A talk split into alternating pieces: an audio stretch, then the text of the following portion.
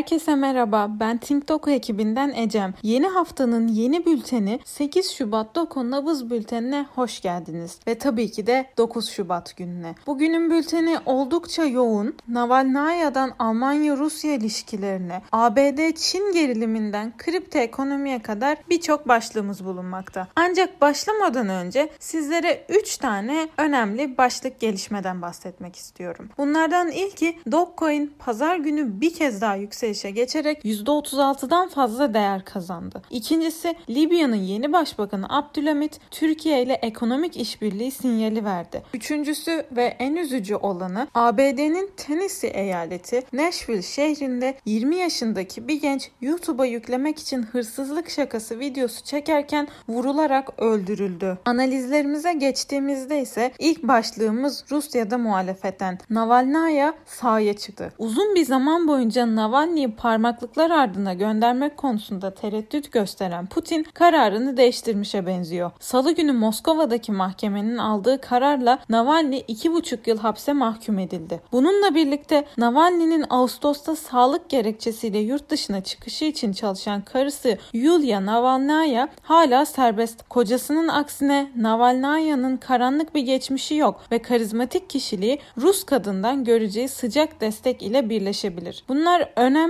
çünkü Navalnaya'nın siyasi bir figür olarak kocasının yerini alması Putin için daha kötü bir ihtimal. Şüphesiz Navalnaya, Navalny lehine yürütülen gösterilerin bahara kadar sonlanmasını bir yeniden örgütlenme fırsatı olarak değerlendirecektir. Her ne kadar muhalif enerji Kremlin'i sarsmaktan çok uzak olsa da Navalnaya taraftarlarının şiddetli polis müdahalesi, Covid-19 ve soğuk iklime rağmen sokaklara dökülmekten imtina etmediğini gördü. Dinlenme süreci Kremlin'in müdahaleleriyle kesilmezse Navalnaya'nın yeniden örgütlenme ve yeni stratejiler üretmesine imkan tanıyacaktır. Peki bunlarla beklentilerimiz neler? İlk olarak Kremlin'in öncü müdahale gerçekleştirmemesi yahut başarısız bir şekilde gerçekleşmesi durumunda güçlenen Rus muhalefeti. Aynı zamanda Rus muhalefetinin Batı bloğu ile daha güçlü ilişkiler geliştirmesi ve toplum temelli yükselen bir politik risk.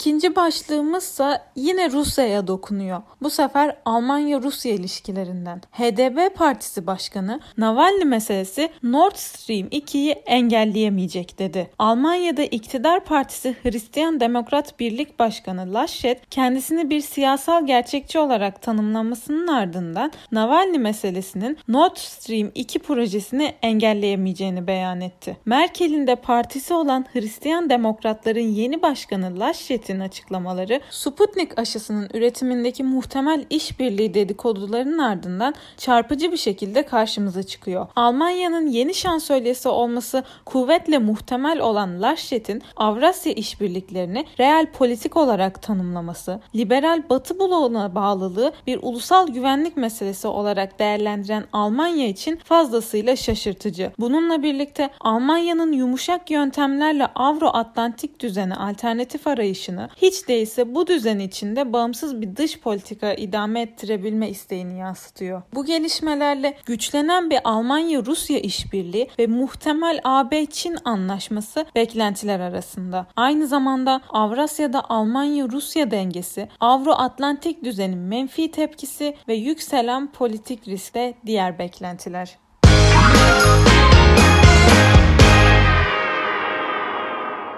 ABD ve Çin arasında gerilimler var. Küçük bir Güney Amerika ülkesi olan Guyana'nın Pekin'den gelen baskı karşısında Taipei'de ofis açmaktan vazgeçmesi, Biden iktidarının Tayvan'ı diplomatik sahada korumaya yönelik Taipei Act bağlamında karşılaştığı ilk meydan okuma. Çin'in diplomatik sahada Tayvan'ı cebren izole etmesini engellemeyi amaçlayan Taipei Act'ın işletilip işletilemeyeceği yahut işletilemeyeceğini belirleyebilecek bir vaka ile karşı karşıya karşıyayız. Peki neden önemli? Güney Çin denizindeki gerilim sürerken ABD'nin Tayvan'ı korumak hususundaki iradesine yönelik mühim bir test ile karşı karşıyayız. Daha da önemlisi Çin nüfusunun Güney Amerika'da ABD'nin nüfuzunu bastırabiliyor olduğu gerçeğinin ABD bürokrasisi tarafından şaşkınlık ve dehşetle karşılandığına şüphe yok. Bu durum Çin'in ABD birincil hasım olarak tanımlanmasını kesinleştirirken büyük güç rekabetinin doruklarına kadar yaşanacağı bir döneme girdiğimizi haber veriyor. Bu anlamda hem ABD-Çin geriliminin hem de Güney Çin denizinde askeri gerilimin yükselmesi ihtimaller arasında. Aynı zamanda ABD'nin Güney Amerika özelindeki nüfuzunu korumak ve geliştirmek adına tedbirler almaya başlaması ve yükselen politik risk diğer beklentiler.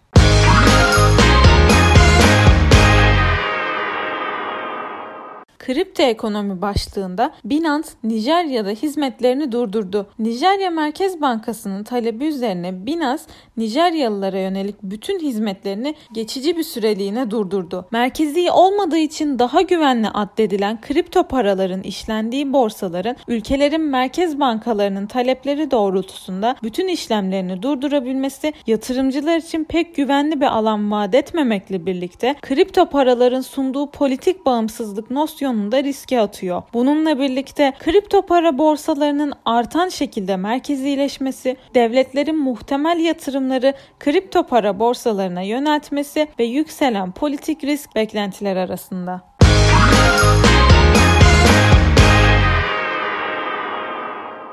Körfez ekonomisinde Covid-19 ve düşük petrol fiyatları Kuveyt'in nakit sıkıntısını itiyor. Suudi Arabistan ve diğerlerinin aksine Kuveyt Meclisi mali açığı karşılamak için uluslararası pazarda borç alma önerilerini engelledi. Kuveyt 2017 yılında piyasaya sürdüğü Euro bonodan bu yana piyasaya geri dönmedi. Peki neden önemli? Kredi derecelendirme kuruluşu Fitch, Kuveyt'in AA notunu doğrulasa da likit varlıkların yakında tükenmesi ve hükümet hükümetin borç alması için parlamento izninin olmaması başlıklarının belirsizlik yarattığını vurguluyor. Bir başka kuruluş olan S&P ise Kuveyt'in bu çıkmazın üstesinden gelememesi durumunda 6 ila 12 ay içerisinde ülkenin kredisini düşürebileceğini belirtiyor. Diğer yandan hükümet gelirinin %80'i petrol bazlı olduğundan Kuveyt'in yeni bütçeyi dengelemek için 90 dolarlık ham petrole ihtiyacı var. Bununla birlikte Kuveyt yüksek vergilendirme yoluna gidebilir. Aynı zamanda Kuveyt Merkez Bankası ülkenin para birimini devalüe etmek zorunda kalabilir.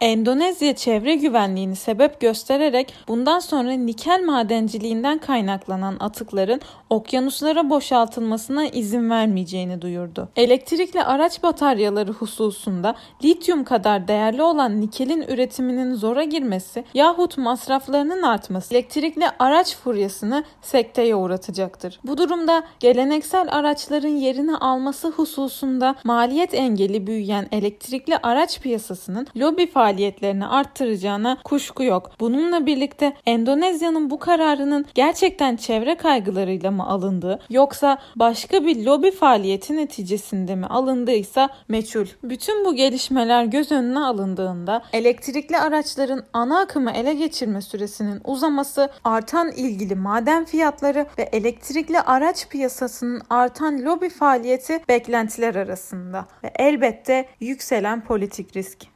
Thank you.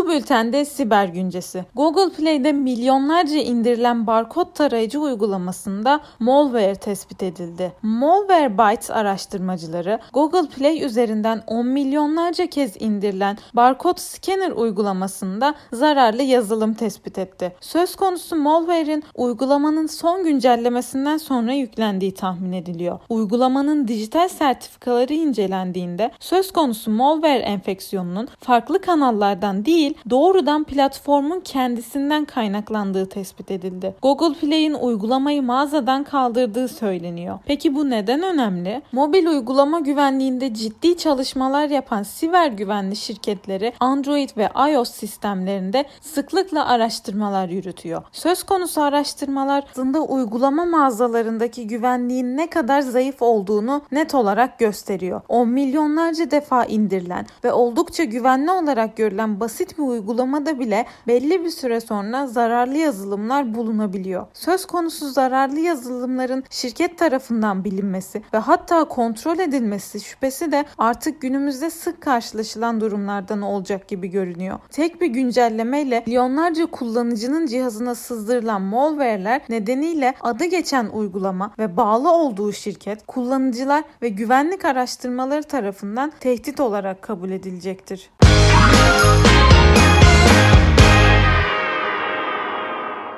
Bültenin son ve ikinci siber güncesi başlığıysa Signal'den. Güvenli mesajlaşma uygulaması Signal, WhatsApp'ın güvenlik ihlallerini konuşulduğu günlerde ilginç bir olaya imza attı. İran'da yasaklanan Signal'in kullanılabilmesi için şirketler yetkilileri TLS proxy önerisi sunarak İranlıların uygulamayı bu şekilde kullanabileceklerini söyledi. Resmi sitesi üzerinden açıklama yayınlayan Signal, İranlılar için geçici olarak sunduğu çözüm önerisiyle Tahran İran yönetiminin koyduğu sansürün bypass edilebileceğini belirtti. Fakat söz konusu çözüm için açıklanan TLS proxy'ler üzerinde bazı güvenlik açıkları bulundu. Açıkları bulan araştırmacılar Signal'in GitHub platformundaki profilinden Signal'e bu açıkları bildirdi. Signal ise araştırmacıları engelledi ve söz konusu bildirimleri de kaldırdı. Bunlar önemli çünkü güvenlik ve gizlilik problemleriyle tartışılan WhatsApp gibi programlardan kaçan kullanıcılar Signal gibi güvenli uygulamalara yöneldi. Bugüne kadar herhangi bir skandal karara imza atmayan Signal'in skandal olmasa da tartışmaya açık bu adımı hayal kırıklığı sebebi olabilir. Signal'in açıkları bulan araştırmacıları neden engellediği veya paylaşımlarını neden kaldırdığı bilinmiyor. Fakat bu adım Signal'e olan güvene zarar verecektir.